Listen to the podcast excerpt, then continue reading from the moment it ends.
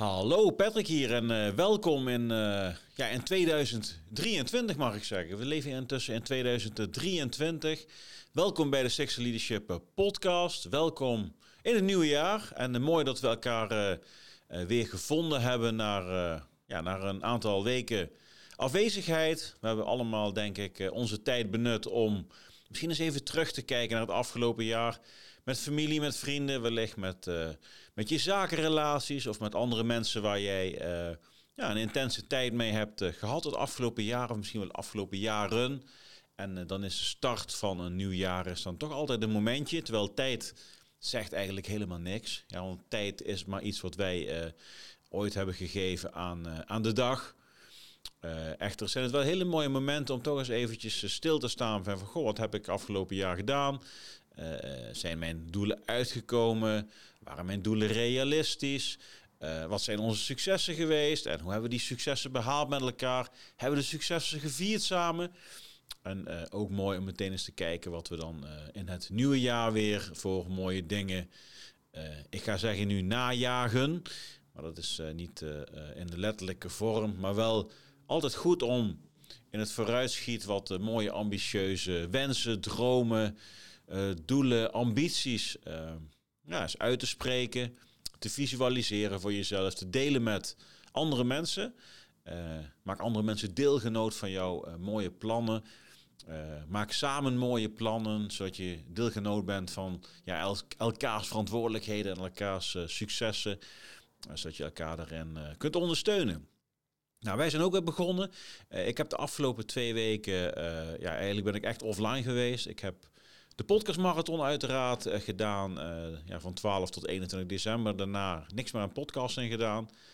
nog wel her en der wat gepost. En nou, wat vooral leuk is om te zien als je kijkt naar, naar LinkedIn bijvoorbeeld. Ik heb een paar jaar heb ik me laten leiden op LinkedIn door, eigenlijk door de ruis in de maatschappij. Ik liet me leiden door mainstream media, door alternatieve media, door mensen die uh, vonden dat ze het een moesten roepen of vonden dat ze het ander moesten roepen. En ik uh, riep misschien af en toe een beetje mee.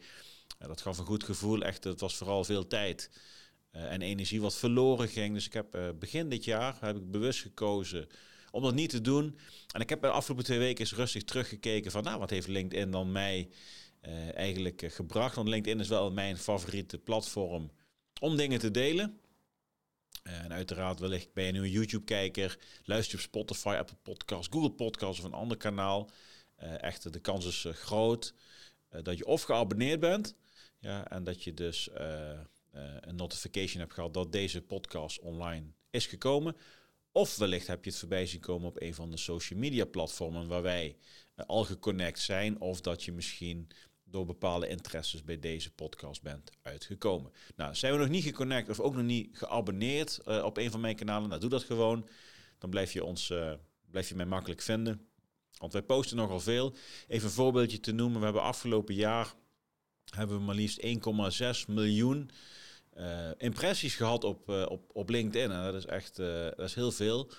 Uh, we hebben een aantal uh, mooie posts gehad waarin we met name over uh, ja, de kennis en ervaring uit defensie en bedrijfsleven en dat uitgesproken vanuit het, ja, de, de eigen waarde van de dag, ja, het waardegedreven leiderschap. Ik noem het ook wel anticyclisch leiderschap, waarin je vanuit je eigen waarde keuzes maakt en daarin misschien een veilige weg verlaat, zodat jij de weg gaat bewandelen die past bij jouzelf. Dus waardegedreven leiderschap. De afgelopen maand ben ik daar ook steeds meer spiritueel leiderschap aan gaan koppelen. Uh, want ik denk dat uh, we vanuit de bron, ja, vanuit de spirituele bron, uiteindelijk bij onze waardes komen. Vanuit die waardes ga jij in beweging komen en kies je de juiste richting. En uh, wat mooi is, de afgelopen jaar dan puur nog even op LinkedIn op daarop terug te komen. Um, ik heb er best veel over geschreven.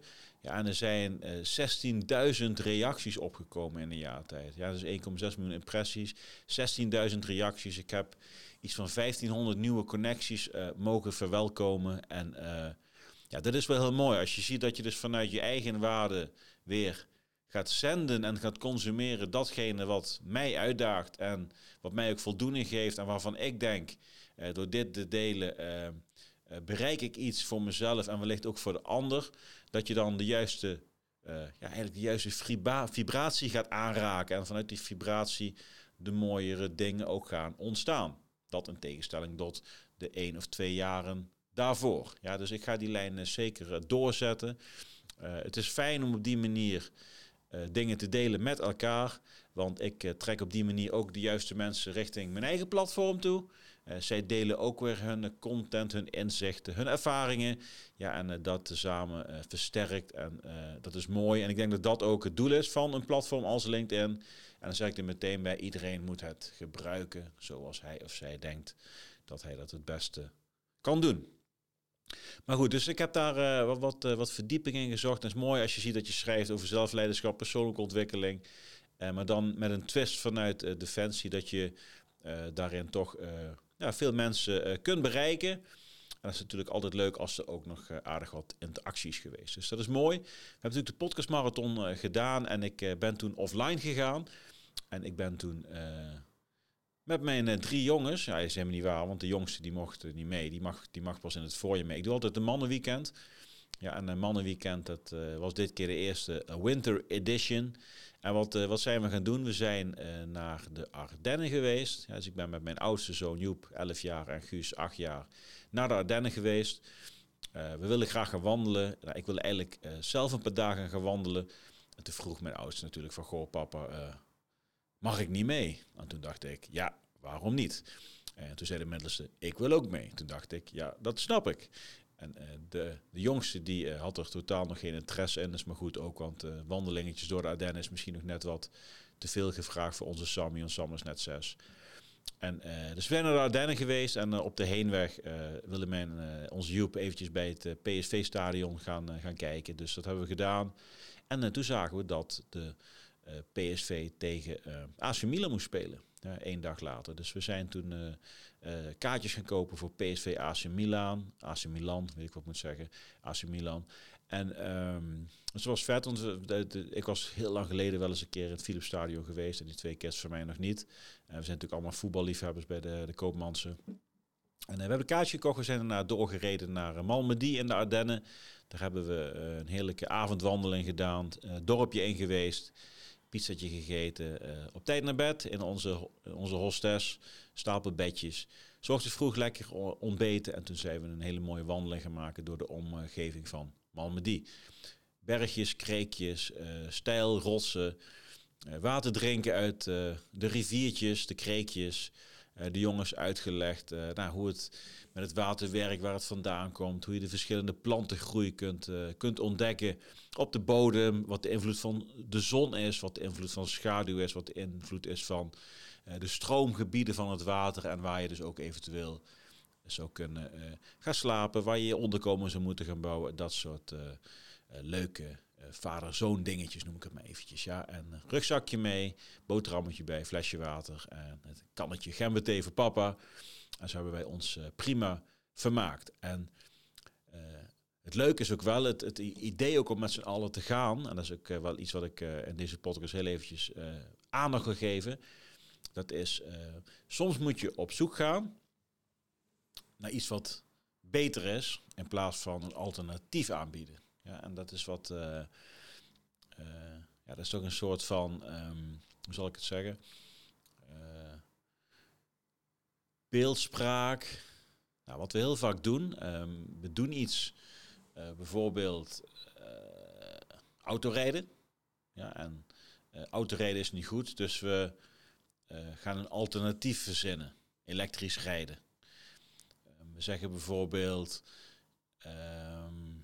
vuurwerk afsteken is niet goed. Ja, dus we gaan een alternatief aanbieden. En het alternatief is met drones, verlicht. Uh, mooie show in de lucht. Eventueel een collectief uh, vuurwerk midden in de stad. Dat is hartstikke mooi. Maar wat je eigenlijk altijd ziet, en misschien moet je voor jezelf ook eens uh, zo'n vraag stellen. het alternatief is bijna altijd niet zo leuk of goed als het origineel. Dus wat krijg je als er een alternatief wordt aangeboden?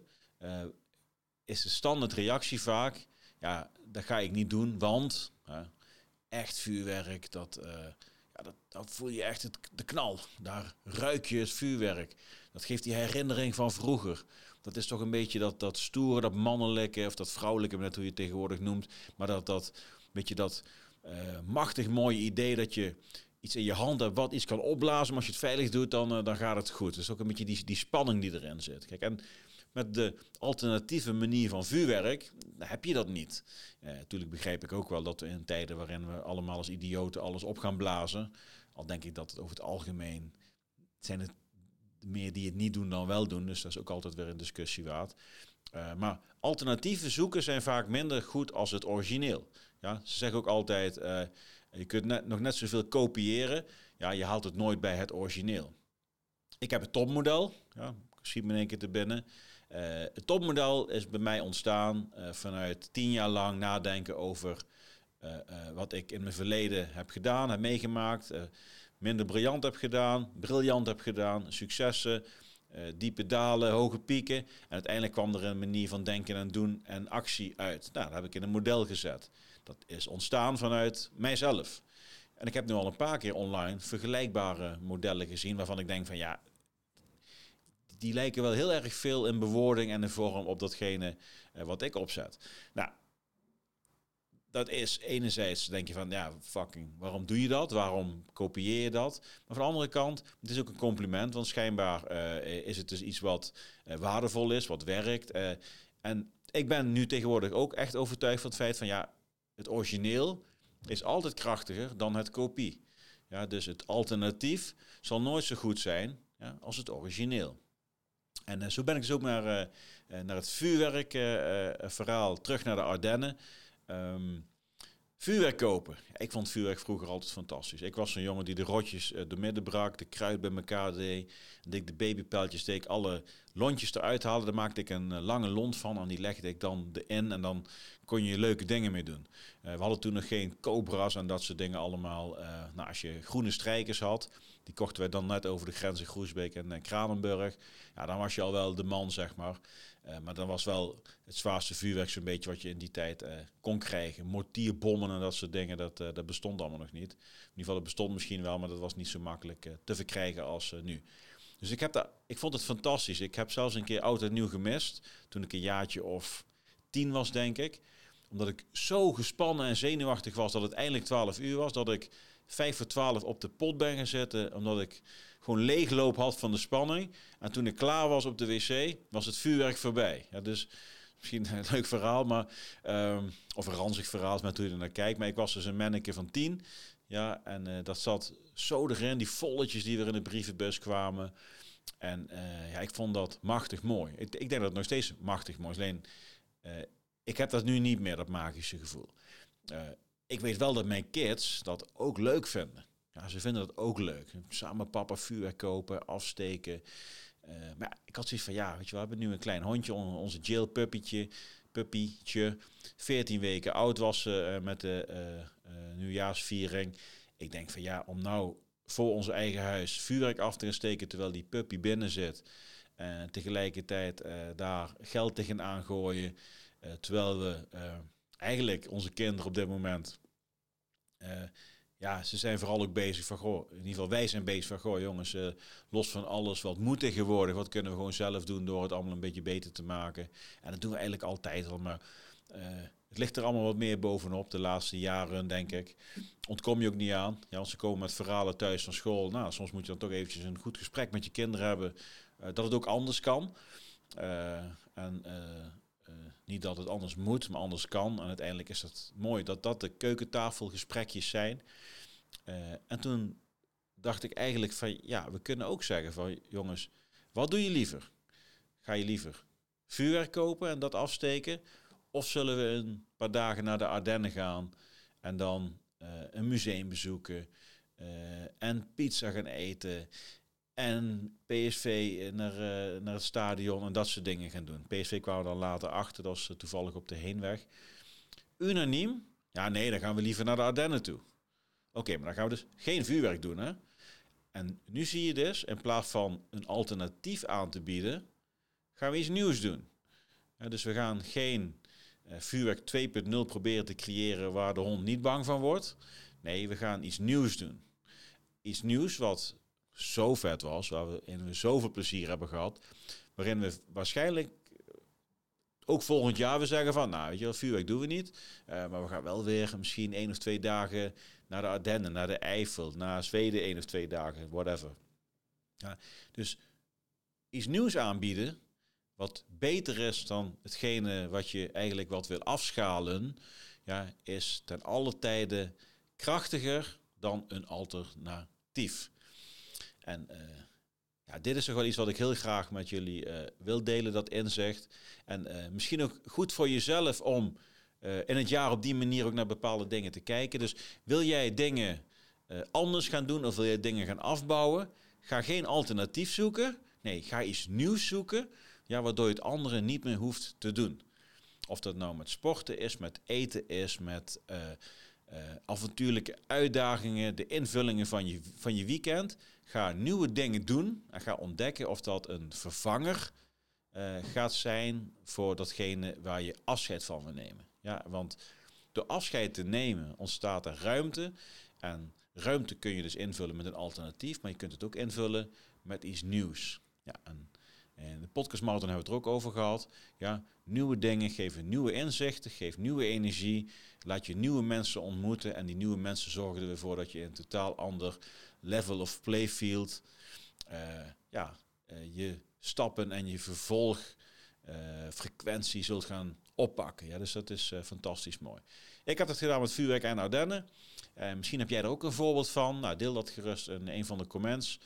En kijk wat je ermee kunt doen.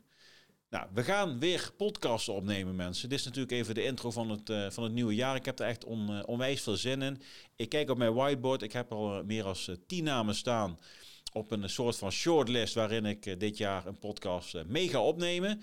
En het eerste gesprek zal zijn met Rembrandt Joosten. Ja, die komt op 12 januari komt hij al online. We gaan op 11 januari die die podcast opnemen. Dat is overmorgen al voor de mensen die hem vandaag kijken. Ja, deze podcast in ieder geval. En vandaag is op maandag. Ja, dus vandaag is maandag en woensdag gaan we opnemen met Rembrandt. Ja, en op uh, donderdag gaat hij al online komen, 12 januari. En uh, ja, Rembrandt is fantastisch. Hij is al meerdere podcasten geweest, maar nog niet in de Sixth Leadership podcast. En wij gaan natuurlijk over andere dingen praten dan waar uh, de overige podcastgasten over gesproken hebben. Want Rembrandt is voormalig onderofficier bij het Korps Commandotroepen. Hij is operator geweest bij de DSI, de Dienst Speciale Interventies. Ja, een soort van arrestatieteam, uh, maar dan nog een leveltje hoger.